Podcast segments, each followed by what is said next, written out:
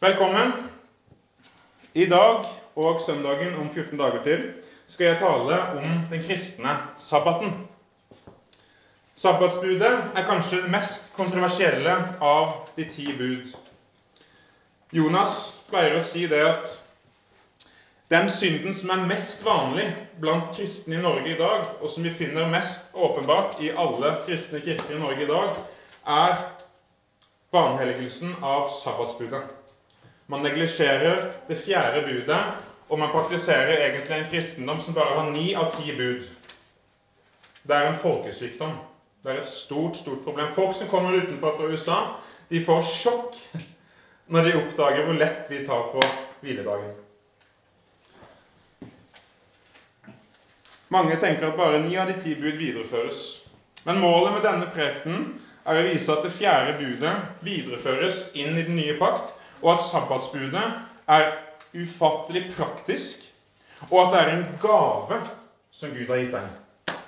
Det er en velsignelse. Det er et bud, ja, men det er en gave, og det er en velsignelse. Jeg tror ikke det er tilfeldig at Kirkens åndelige tilstand har stupt, både i Norge og internasjonalt siden 70-tallet, hvor flere og flere kirkesamfunn gikk bort fra en forståelse av søndagen som den kristne sabbaten, i tillegg til mange andre ting som man begynte å gå bort ifra på ca. den samme tiden. Um, og i dag, som resultat av at man har gått bort fra denne og andre viktige praksiser vi finner i Guds ord, så er Kirken kommet i en sørgelig tilstand. Og vi som reformerte, vi er faktisk ikke noe unntak. Å skrote den kristne sabbaten ved å neglisjere det fjerde budet har faktisk katastrofale konsekvenser. Måtte Gud gi oss nåde og opplysning ved sin ånd, så vi kan gjenoppdage sabbatens gave og praktisere det fjerde budet med glede. I dag skal jeg fokusere på hvorfor vi skal feire kristen sabbat. Og søndagen om 14 dager til så skal jeg fokusere på hvordan. Da blir det eh, nesten bare primært fokus på den praktiske anvendelsen. Der er det veldig mye viktig å si. Men i dag skal vi se på hvorfor vi feirer kristen sabbat, basert på Markus kapittel 2, vers 27 til 28.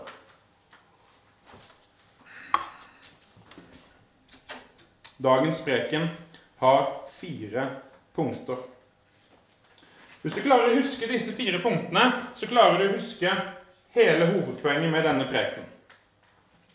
Det første punktet som vi skal ta for oss, er 1. sabbaten er for deg. Det andre punktet er to sabbaten er en gave. Det tredje punktet er tre Jesus viderefører sabbaten. Og det fjerde punktet er sabbatsdagen endres. Så sabbaten er for deg, sabbaten er en gave, Jesus viderefører sabbaten, og sabbatsdagen endres. Det er de fire punktene. Dagens tekst er en kjent Jesus-tekst, der vi får høre Jesu klare ord om sabbaten. I denne teksten så viser Jesus oss sabbatens sanne hensikt i kontrast til fariseernes feiltolkninger. De hadde lagt til en hel, en hel rekke med menneskebud for å forsikre at ingen overhodet skulle komme i nærheten av å bryte sabbaten. Og Jesus peker også eh, til at sabbaten vil ha en plass under hans herredømme. Jeg vil ikke utlegge hele avsnittet i Markus 2, eh, som går inn i, i, første del av Markus 3 også, eh, hvor Jesus kommer i konflikt med eh, fariseerne over eh, spørsmålet om sabbaten. Her er det mye viktig vi kunne fokusert på. Men, eh, men i dag skal jeg fokusere spesifikt på vers 27 til 28. Og i vers 27 til 28 i Markus 2 så står det følgende og Jesus sa til dem, sabbaten ble til for mennesket, ikke mennesket for sabbaten. Derfor er menneskesønnen herre også over sabbaten. Slik lyder Herrens ord.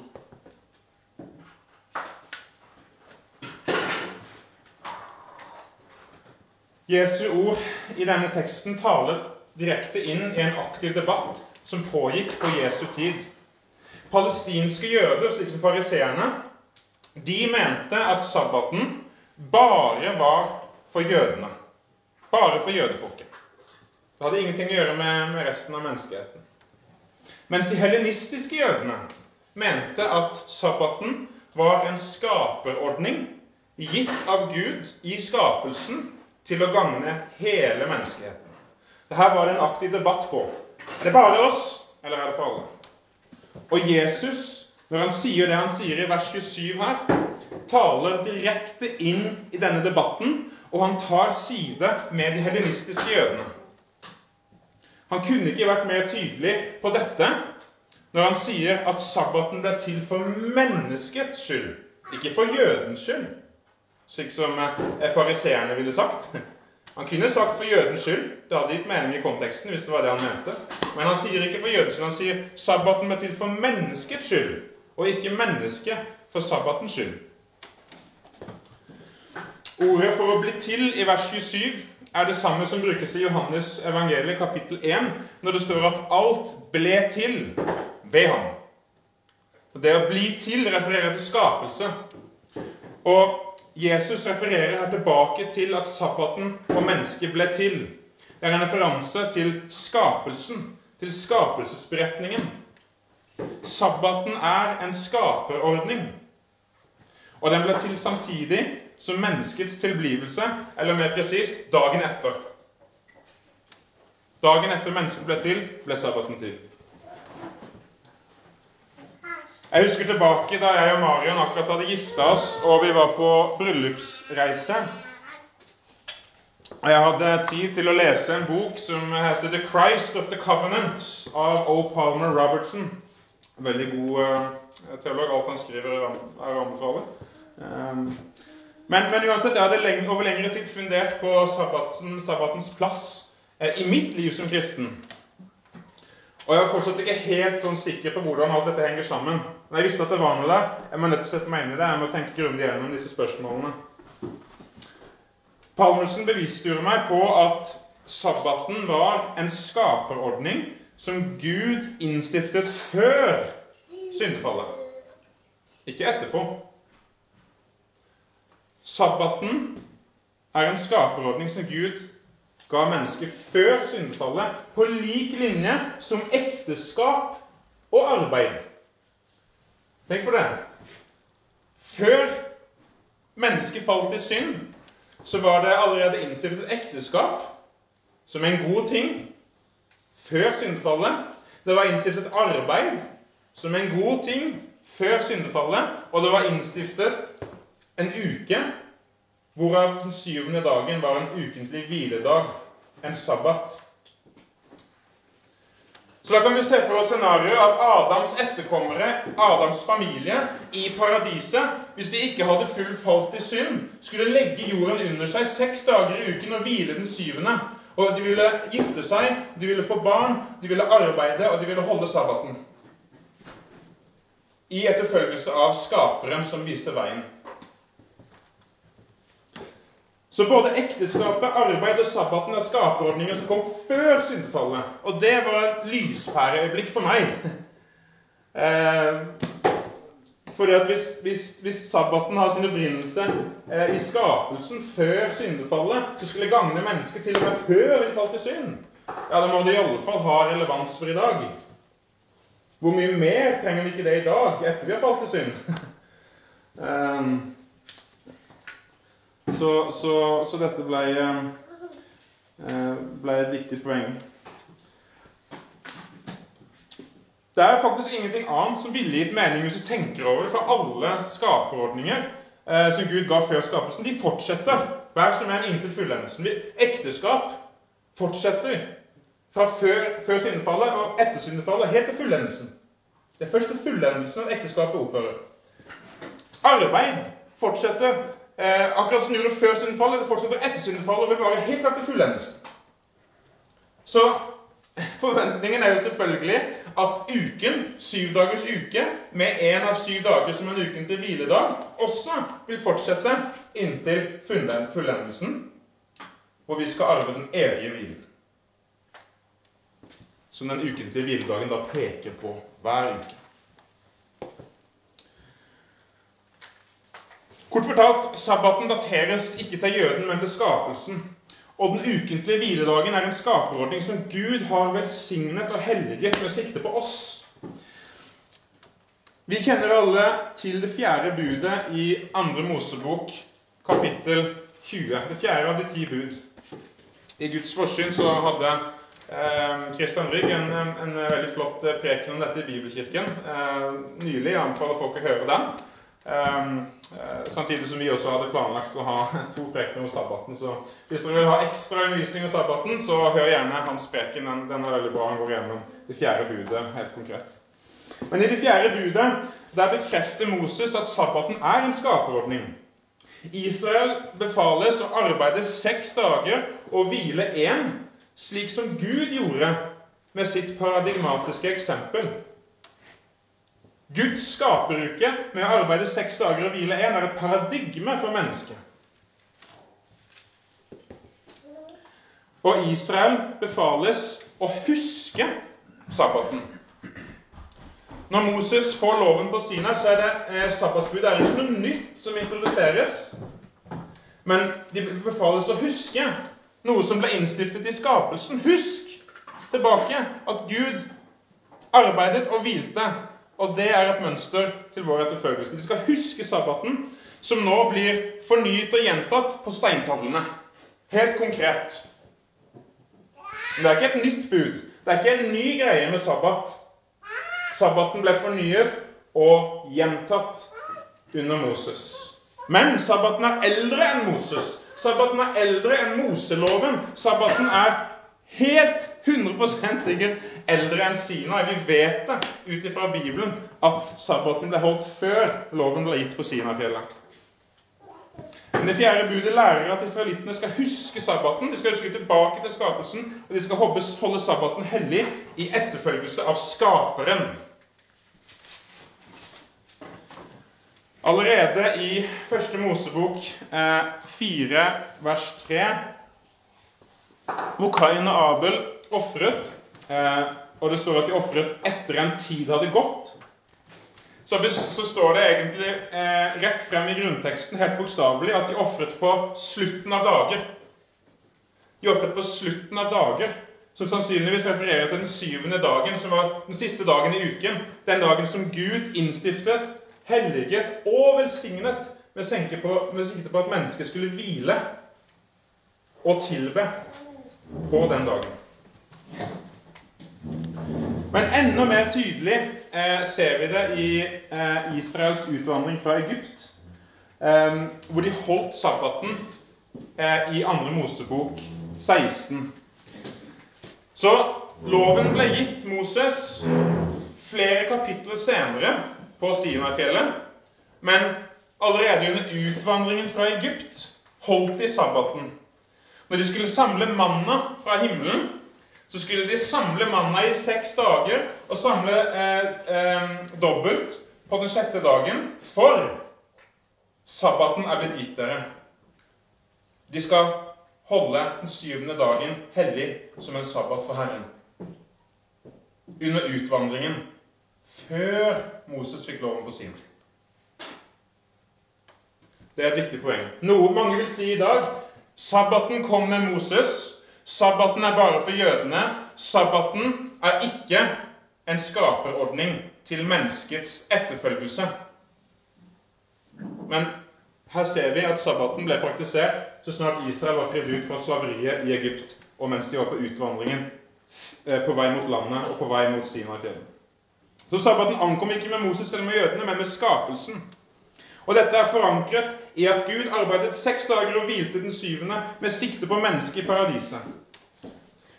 Gud har designet uken og helliget og velsignet sabbaten for mennesket skapt i hans bilde.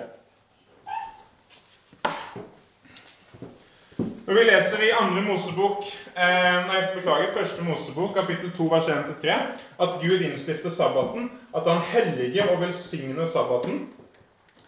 Eh, verbet for 'hellige', som brukes i den teksten der, brukes alltid med sikte på mennesket.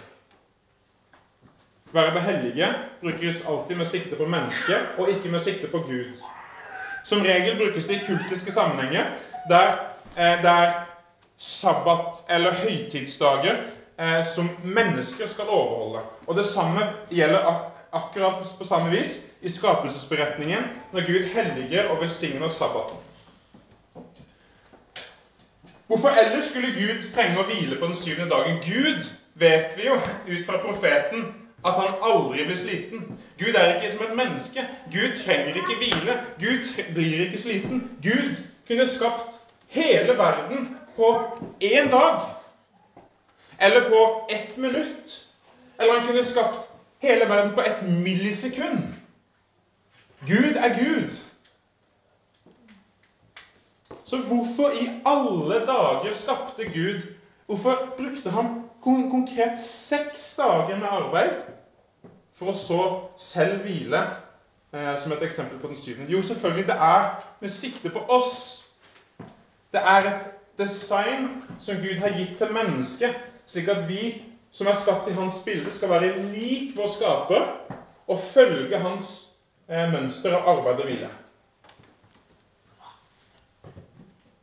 Gud designet uken og hviledagen for vår skyld. Og vi skal følge i hans fotspor. Vi ligner Gud. Vi som er skapt i Guds bilde, vi ligner Gud. Vi imiterer Gud som hans skapninger som bærer hans bilde, når vi arbeider seks og hviler én dag. Da ligner vi Gud. Gud velsignet og helliget hviledagen fordi vi trengte den, og fordi den skulle tjene oss. Det er nettopp det poenget eh, Jesus prøver å drive gjennom i i Markus 2 her. Sabbaten har siden verdens skapelse vært et kall og forhåpning til at mennesket en dag skulle få del i Guds hvile. Det er en invitasjon til å komme inn i Guds evige hvile. Og i Edens hage så hadde du livets tre, som var et slags eh, synlig ord som eh, ga løfte om dette, om evig liv i herlighet. Og mennesket da hadde fullført oppdraget og kommet inn i Guds hvile lagt hele jorden under seg. Og en ting som er viktig å forstå, er at hvis den ukentlige hviledagen peker frem på en forventning om en evig hvile, så vil det fortsatt være behov for en ukentlig påminner om den evige hvilen så lenge vi ennå ikke er kommet inn i Guds hvile der fremme. Vi har ikke tid til å gå inn på det i dag, men Hebreerbrevet kapittel 4, både 3 og 4 egentlig, utlegger dette poenget i stor detalj. Og eh, I vers 9, 4-9 så sier forfatteren derfor gjenstår det også en sabbatshvil for Guds folk. Og så sier han at vi da skal streve med å komme inn i denne hvilen, for den gjenstår fortsatt. Og hvis det fortsatt gjenstår en hvile der fremme, så gjenstår det fortsatt en ukentlig påminner om hvilen.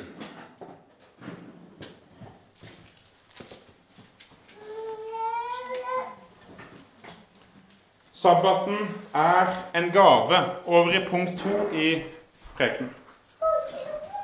Mennesket ble ikke skapt for å tjene sabbaten, sier Jesus, men sabbaten ble til for å tjene mennesket. Det var derfor Gud helliget og velsignet sabbaten for menneskets skyld. Den skulle tjene Adam og hans etterkommere i paradiset mens de la jorden under seg. Og den skulle tjene menneskeheten i all tid etter eh, syndefallet også. Jesu poeng her i teksten er at fariseerne har prioriteringene sine helt på hodet. De har snudd sabbaten på hodet. Sabbaten ble til for mennesket, ikke motsatt. Eh, men, men, slik de eh, ville ha det, så ble sabbaten en byrde som mennesket måtte bære, slik at mennesket ble en tjener for sabbaten, og ikke sabbaten en tjener for mennesket.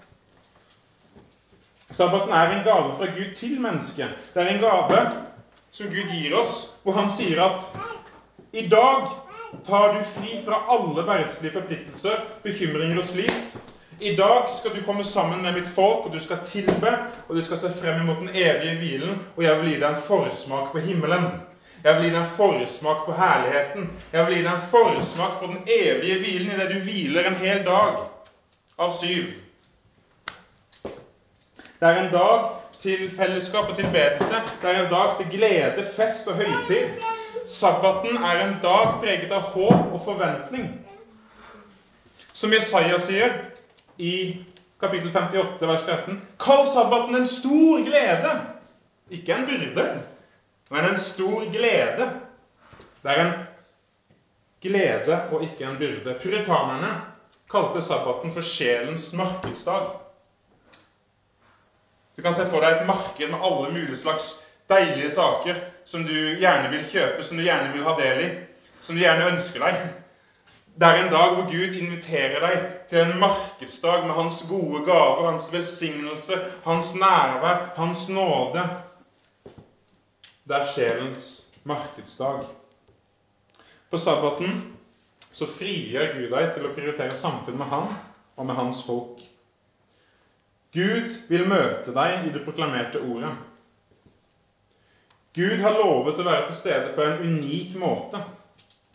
Gud inviterer deg på sabbaten til hellig samling, der du i nattverden får spise og drikke i hans nærvær, slik som Moses og Aron og Israels eldste skuet Gud i sin herlighet og spiste og drakk i hans nærvær på Sinafjellet. På sabbaten befaler Gud oss å slippe alt det vi ellers har i hendene, og overlate det i tillit til Gud mens vi kommer sammen til hellig samling med Hans folk for å tilbe, feire og glede oss. Som det står i 3. Mosebok 23 vers 3, så står det i seks dager kan det arbeides, men den syvende dagen skal være en sabbat, en hviledag med hellig samling. Da må dere ikke gjøre noe arbeid. Det skal være en sabbat for Herren alle steder. Merk poenget der en hviledag med hellig samling. Det skal være en, det, det viktigste du gjør, for å si det sånn, det viktigste du gjør på sabbat, den største prioriteten du burde ha på en sabbat, er å komme sammen til hellig samling. Komme sammen med Guds folk. Møte Gud i Guds forsamling, der Gud er til stede på en unik måte. Gud har en avtale med deg hver sabbat. Han vil møte deg i ordet, han vil møte deg i nattverden. Han vil at du skal komme og ta del i sjelens markedsdag.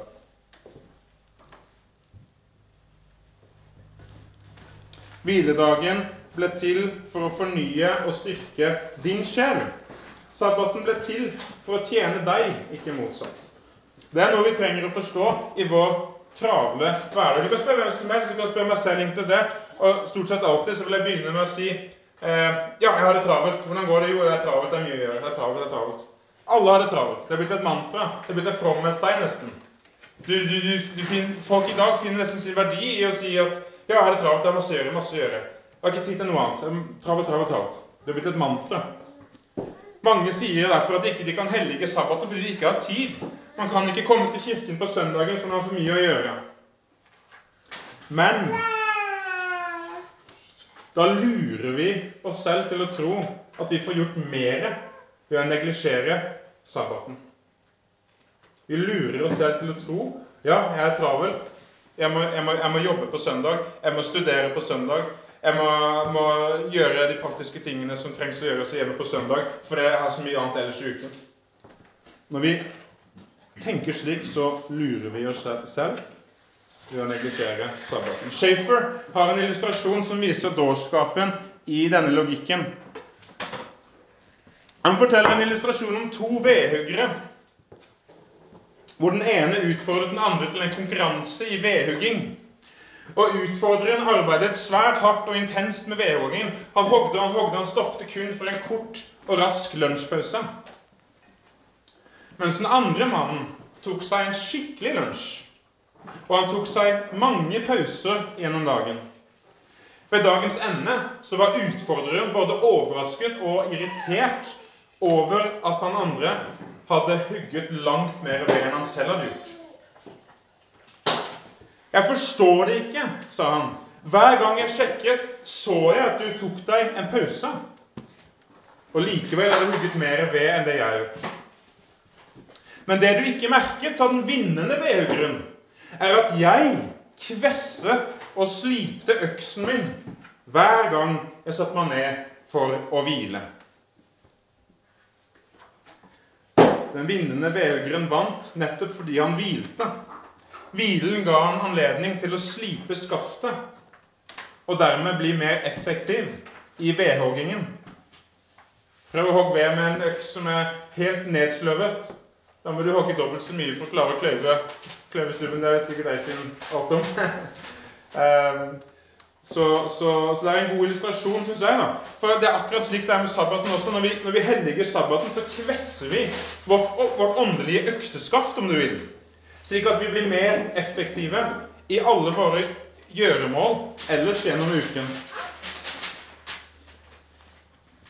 Likevel så er det mange eh, kristne i dag, og særlig i Norge Det er, som du sa innledningsvis, en folkesykdom. Men særlig er det mange kristne i dag som tenker at de ikke kan komme i kirken på søndagen fordi det er en eller annen viktig ting som skjer dagen etterpå. Men sannheten er at du er faktisk langt bedre eh, forberedt til det som kommer på mandagen og resten av uken, hvis du har hatt en sabbatshvile i forkant. Hvis du har kommet til Guds hus og tatt del i sjelens markedsdag, slik at du har blitt fornyet og styrket, du har fått hvilt ut, du har fått ny kraft til en ny uke, ja, da er du mye bedre forberedt til alt det som måtte komme mandagen og tirsdagen og onsdagen og, og videre. Et eksempel som ligger meg nært, er skoleeksamener, som veldig ofte faller på mandagen. Mandagsmorgen etter en søndag. Så fristelsen er selvfølgelig å si at ja, men jeg ligger etter på lesing, jeg må nødt til å ta igjen, og jeg har ikke noe annet valg. Jeg må, jeg må, lese hele søndagen. Jeg kan ikke komme til kirken i dag. Og hvis jeg går til kirken, så skynder jeg meg igjen for å begynne å lese, og så leser jeg resten av søndagen. For det er eksamen på mandag. Men sannheten er at min eksamen, mine eksamener, ligger i Guds hender. Det er Gud som forordinerer hvilken oppgave jeg vil få. Det er Gud som har kontroll over de tingene. Det er Han som gjør meg skikket, gjør meg i stand og bringer kunnskapen tilbake til minnet. Hvis ikke Gud velsigner eksamenen, så har jeg ingen sjanse uansett. Hvis Gud har lyst til å, å, å, sette et hinder for meg, at jeg, jeg skal, skal, gå dårlig på meg for en eksamen, så, så, gjør han det, og da går det dårlig. Ingenting kan gjøre med det. Men hvis Gud velsigner det, så går det bra.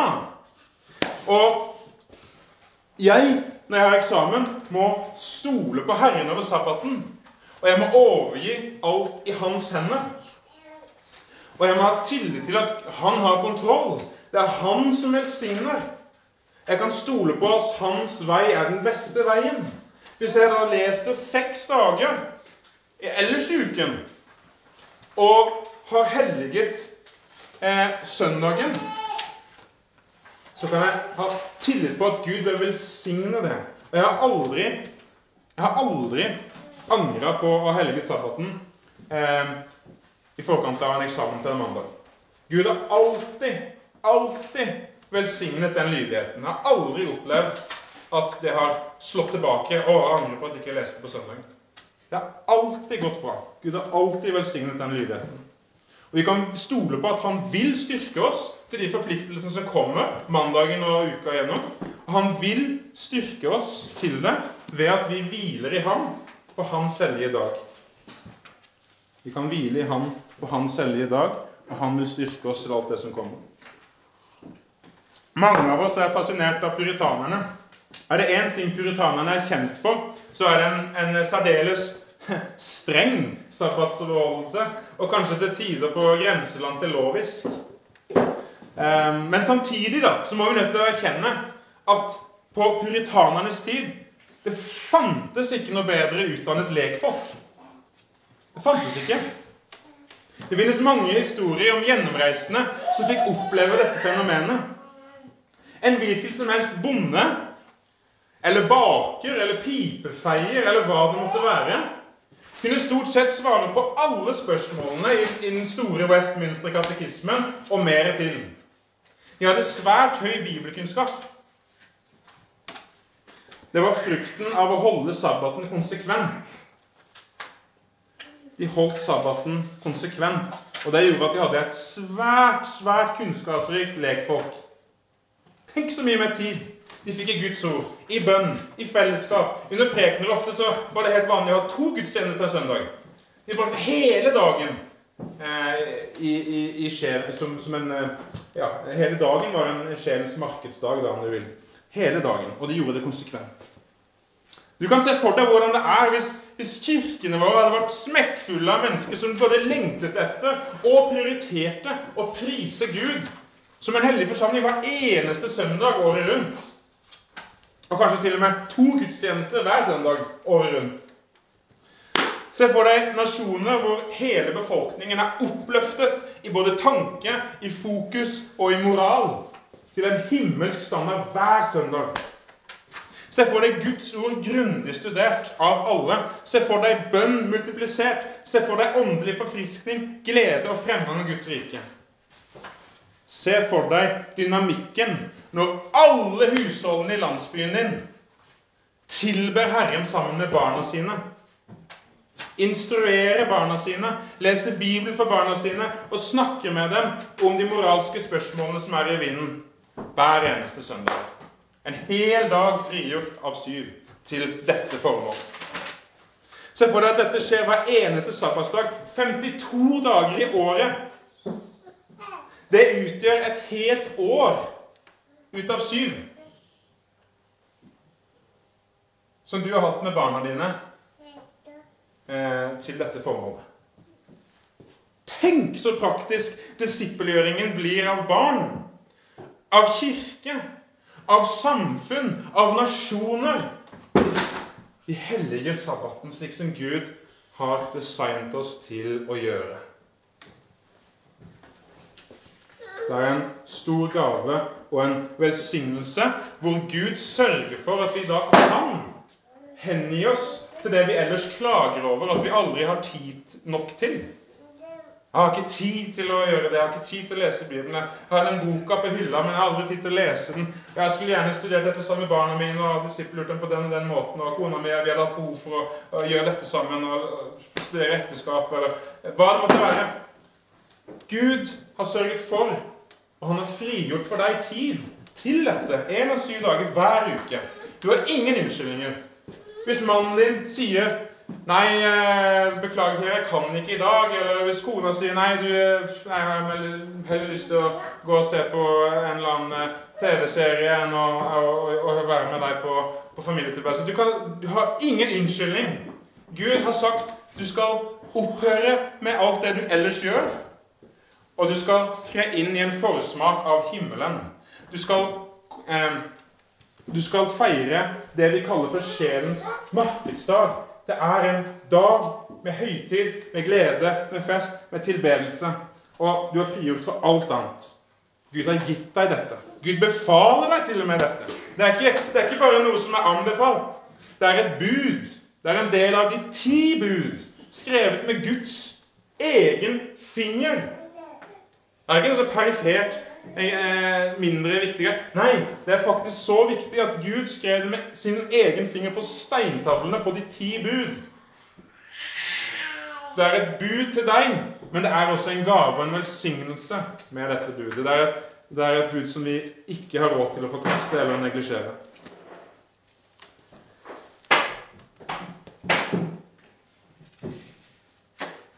Punkt 3. Jesus viderefører sabbaten. Jeg leser igjen vers 27-28. Og Jesus sa til dem.: Sabbaten ble til for mennesket, ikke mennesket for sabbaten. Derfor er menneskesønnen herre også over sabbaten. Legg merke til ordet 'derfor'. Derfor er menneskesønnen også herre over sabbaten. Sabbaten ble til for mennesket. Det er en gave til gagn for menneskeheten. Og det er dette som er begrunnelsen for hvorfor Jesus tar herredømme over sabbaten. Menneskesønnen tar sabbaten opp i sitt rike og herredømme fordi på grunn av at det er en av de skaperordningene som har tjent mennesket helt siden verdens skapelse. Tenk over hvor absurd altså, Bare vit dette. Noen går til denne teksten her og så sier Jesus er herre over sabbaten, betyr at Jesus hadde autoritet til å kaste sabbaten ut av vinduet og gjøre ende på den. Nå er det slutt. Men tenk over hvor absurd det hadde vært for Jesus å først poengtere at sabbaten ble til for å tjene mennesket. Den ble til for menneskets skyld, som en velsignelse, som en gave for mennesket. For å så si at ja, men jeg har autoritet til å skrote gaven. Nei, det er ikke det han mener. Han er herre over sabbaten. Sabbaten skal ha en plass under hans herredømme. Han restaurerer, han, han, bringer sabbaten tilbake til sin sanne hensikt for mennesket, som en gave, som en velsignelse. Og han rensker den for menneskebud og fariseernes feiltolkninger. Han konfronterer dem eh, om det.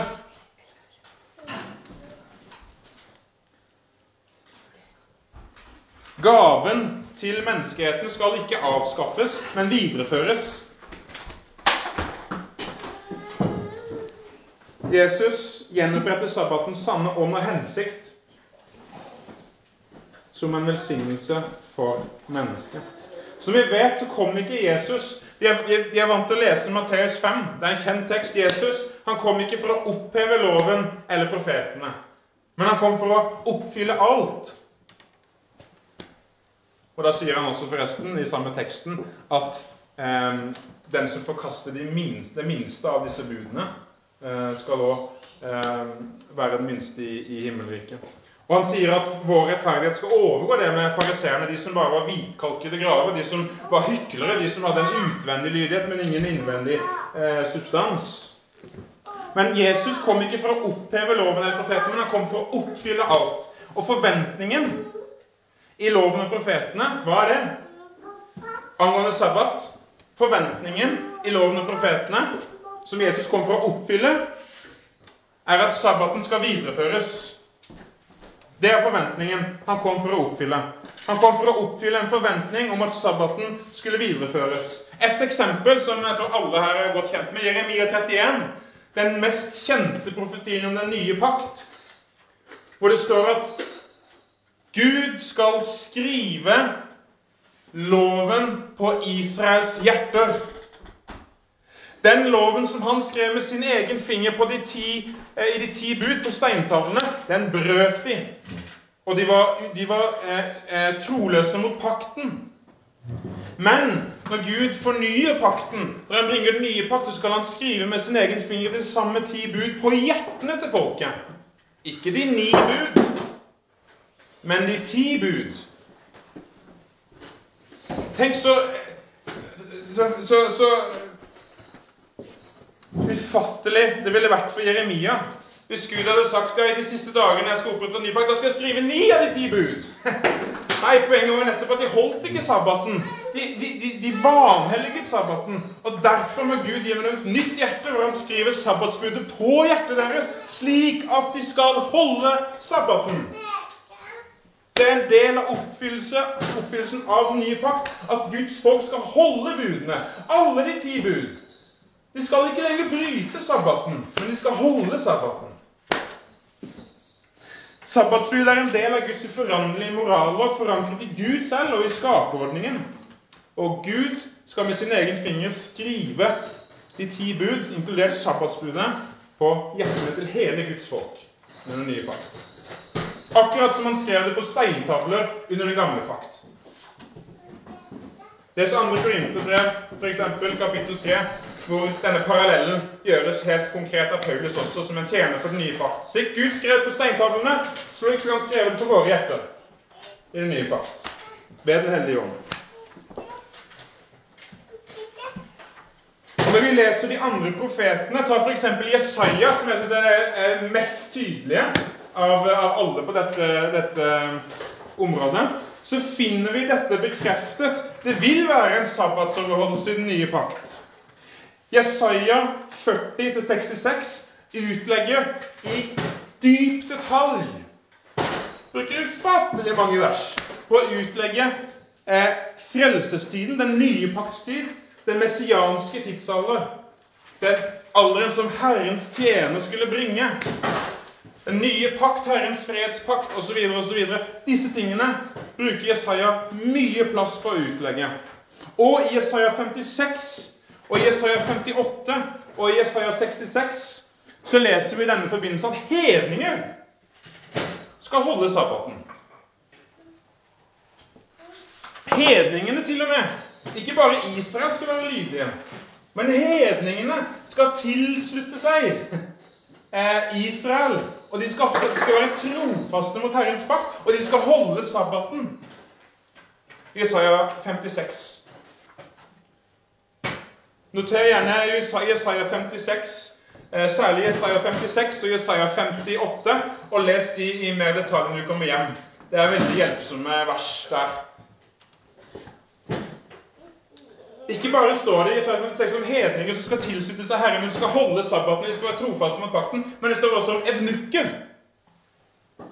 Som eh, under den gamle pakt var ekskludert fra forsamlingen. De var ekskludert fra eh, gudstjenesten, fra tilbedelsen. De var utestengt, de var fremmedgjort, de var utenfor.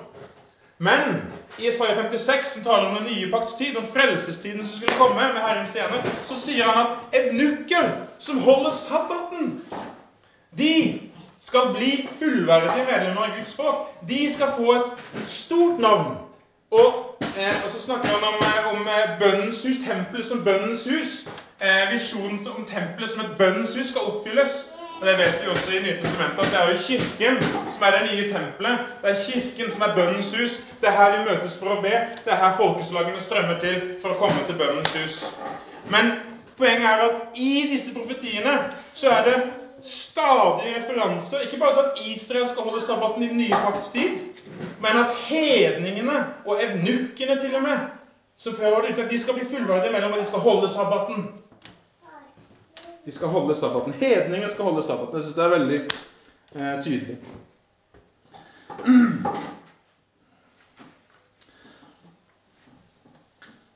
Men samtidig så må vi også huske på at disse eh, tekstene fra Jesaja kommer i spenning med andre profeter som sier noe annet. Det kommer i spenning med f.eks. Hosea 2, eh, hvor det står at Gud skal gjøre ende på alle Israels sabbater. Alle Israels sabbater og nymånedager og høytider skal Gud gjøre ende på i dom. Så vi finner altså to viktige forventninger i profetene. Det ene er at sabbaten skal videreføres. Sabbaten skal skrives på hjertene til Guds folk, slik at de holder den og ikke bryter den. Og at evnukker og til og med hedninger som tilslutter seg Israel, de skal holde sabbaten, de også. De skal være trofaste som pakten, de skal holde sabbaten. Det, det er eh, den ene forventningen. Og den andre er at sabbaten og nymånedager og høytidene, hele Israels høytidskalender, skal gjøres ende på, inkludert sabbatene deres. Så her er det to forventninger som kommer i spenning. Hvordan henger denne spenningen sammen? Hvordan skal vi forstå disse spenningene i profetene? Når vi legger to og to sammen, så kan vi forstå at eh, disse to forventningene innebærer at sabbaten skal videreføres, men i en ny form. Israels sabbater skal gjøres endes på, men det vil være en sabbat. Sabbatsbyrden skal skrives på hjertene til folket. Hedningene skal til og med holde den. Det skal være en sabbat, Men Israels sabbater og høytidskalender og nymåneder, det gjøres ende på. Og Det er det som refereres til bl.a. i Kolossev 2. La ingen dømme dere om, om sabbat sabbater i flertall. Israels seremonielle sabbatsystem. Da er det sabbater for det og det ene og det andre. Du er det sabbater i flertall. Nymånedager, høytider. Hele høytidskalenderen er gjort ende på. Det er oppfylt i Kristus. Men likevel er en forventning om at det skal være en sabbat under den nye pakt. Det vil være en anvendelse av det fjerde budet. Skaperordningen er ikke avskaffet. Det vil, sabbaten vil komme i en ny form under den nye pakts tidsalder. Hele stillaset Du kan se for deg et stillas man setter opp rundt et bygg. Midlertidig stillas. Stillaset som ble reist opp under Moses, og som skulle være rundt eh, eh, Guds folk eh, i hele tiden frem til Messias. Hele det stillaset er nå tatt ned. Galaterbrevet kaller stillaset for en vokter som skulle holde Israel i varetekt inntil Kristus kom. Stillaset ble gitt inntil erten kom, Kristus.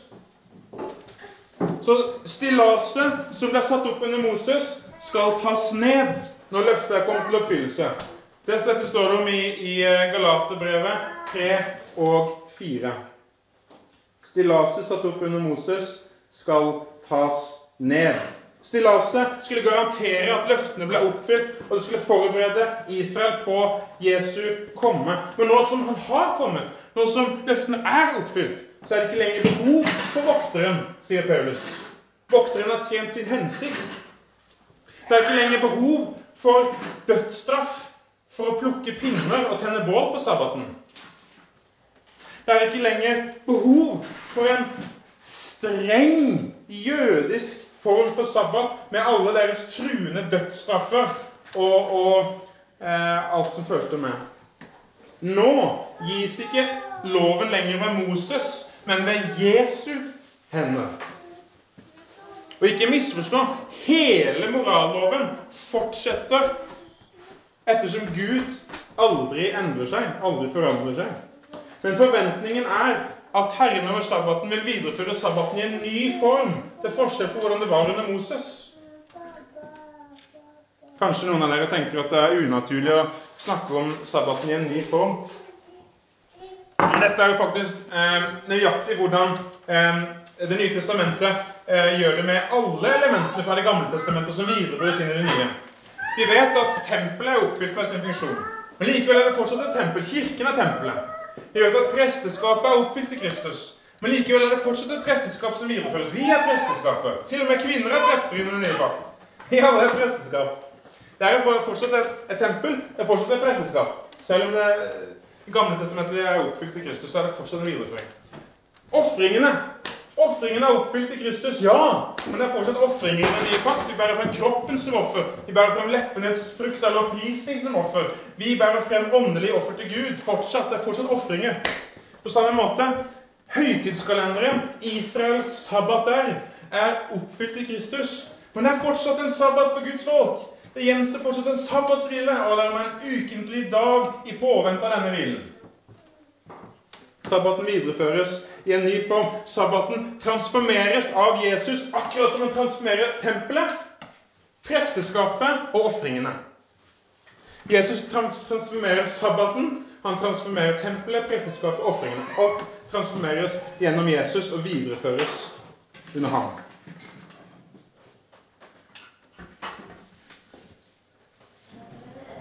Skaperordningen er ikke avskaffet, men er videreført. Siste punkt Nå har vi holdt på lenge. Beklager, det, det tok lengre tid enn jeg hadde forventet dette her. Men eh, dere klarer å holde ut eh, siste, siste, punktet nå. Det er ikke mye. Det er fort, eh, fort over. Vi er snart i mål. Siste punkt. Det er veldig flinke som holdt det hittil. Det er mye, mye tung informasjon her. Siste punkt. Sabbatdagen endres.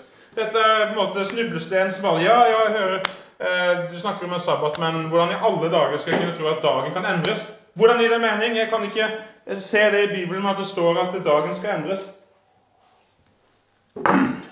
Men sabbaten som videreføres av Jesus i en ny form, innebærer også at det er en ny dag og en ny uke. Den gamle skapelsen arbeidet, eh, arbeidet man seks dager og hvilte den siste etter man hadde allerede arbeidet. Så avsluttet man med å hvile. Men under den nye pakt under den nye skapningen som er innledet med Jesu oppstandelse, så begynner vi uken med å hvile. Vi hviler ikke på den syvende dagen i uken, men vi hviler på den første dagen i uken. Oppstandelsesdagen, da Jesus ble reist opp fra de døde, da han innledet nyskapningen. Så vi begynner uken med å feire og glede oss over at seieren er vunnet, Jesus har gått inn i sin hvile som vår foreløper. Han har sikret evig hvile for oss. Vi ser tilbake på Jesu oppstandelse den første dagen i uken. og Vi ser frem mot den evige hvilen når vi feirer den første dagen i uken. Og så arbeider vi i lys av seier, i lys av oppfyllelse, i lys av oppstandelsen hele uka. Så endringen av dagen og uka reflekterer evangeliet. Grunnlaget for endringen av dagen er frelseshistorisk. Oppstandelsen er Guds frelseshistoriske handling i Kristus, der han innleder en ny skapelse, en ny dag og en ny uke. Jesus er det første herliggjorte mennesket. Jesus gikk inn i Guds hvile som vår forløper. Jesus og hans oppstandelse ses på av Det nye testamentets forfattere som, en, som nyskapningens begynnelse. Vi som er i Kristus, hva beskrives vi som i 2. kor 5, 17? Som nye skapninger. Nyskapningen er innledet i Kristus. Han er den første av det skapte som er herliggjort. Slik som Gud skal herliggjøre alle oss og hele verden ved hans andre komme. Så nyskapningen er innledet med Jesus, og det innebærer også en endring av dagen.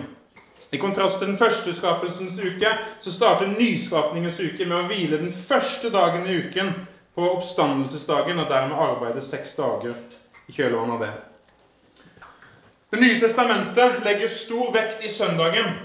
Som reformerte, som kristne, så tenker vi at eh, eh sabbatsdagen eh, under den nye pakt er søndagen. Hvorfor det? Hvorfor akkurat søndagen? Hvorfor ikke eh, lørdagen? Det er fordi at søndagen, den første dagen i uken, er oppstandelsesdagen. Og oppstandelsesdagen vektlegges på en unik måte av Det nye testamentet. Og vi skal se hvordan dette eh, blir grunnlaget for endringen av dagen. Hele fem ganger i evangeliene understrekes det at Jesus oppsto på den første dagen i uken. Og dette må vi huske at kommer i, i, i en sammenheng hvor Eh, det å nevne dager er svært sjeldent. Spesielle dager i uken nevnes uhyre sjeldent i Nytestamentet. Men hele fem ganger i evangeliene nevnes det at Jesus oppsto på den første dagen i uken. Det gjøres poeng ut av det. At det er en spesiell dag han oppstår. Den første dagen i uken. Evangeliene vektlegger også at Jesus fortsatte å åpenbare seg for disiplene på oppstandelsesdagen. Etter han hadde oppstått. På en unik måte den første dagen i uken. En uke etter at han hadde oppstått, så møtte han på en unik måte blant disiplene. Eh, til forskjell fra de andre dagene. Og dette ser vi at Johannes alene understreker tre ganger. At Jesus velsignet dem med sitt unike tilstedeværelse på den første dagen i uken. Så én Jesus oppsto på den første dagen. Nytestamentet gjør et poeng av det. To Jesus fortsatte å åpenbare seg med sin tilstedeværelse på en unik måte på den første dagen i uken etter oppstandelsen. Og Det nye testamentet gjør poeng ut av det også. For, og, og, og, siste poenget, da, for å hoppe over litt materiale her prøve å trimme. Men eh, siste poenget er at vi har også eh, et, et siste mønster. Og det er det at Guds folk begynte å samles på den første dagen i uken istedenfor den syvende dagen. De var jøder, alle de første kristne. De var jøder som hadde omfavnet Jesus som Messias. Deres dag for kollektiv tilbedelse var den syvende dagen. Men i kjølvannet av at Jesus oppsto på den første dagen i uken, i kjølvannet av at Jesus fortsatte å åpenbare seg for dem, på en unik måte den første dagen i uken så begynte de å samles på den første dagen i uken. Det ble den ukentlige dagen for samkomst, hvor de kom sammen for å bryte brødet. Hvor de kom sammen for å høre Guds ord forkynt. Hvor de kom sammen for å samle inn penger til de fattige.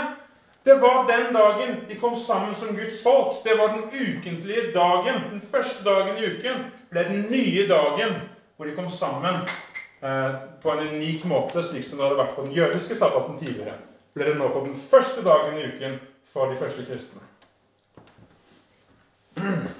Så Den hellige ånd har altså gitt oss et tydelig apostolisk mønster. Det er sant, vi har ikke et vers som sier dere skal nå slutte å feire sabbat på den syvende dagen, og dere skal nå feire sabbat på den første dagen som den kristne sabbat. Men når vi ser på det bibelske materialet samlet, slik som vi må gjøre med mange spørsmål, bl.a. treenigheten, barnedåp osv.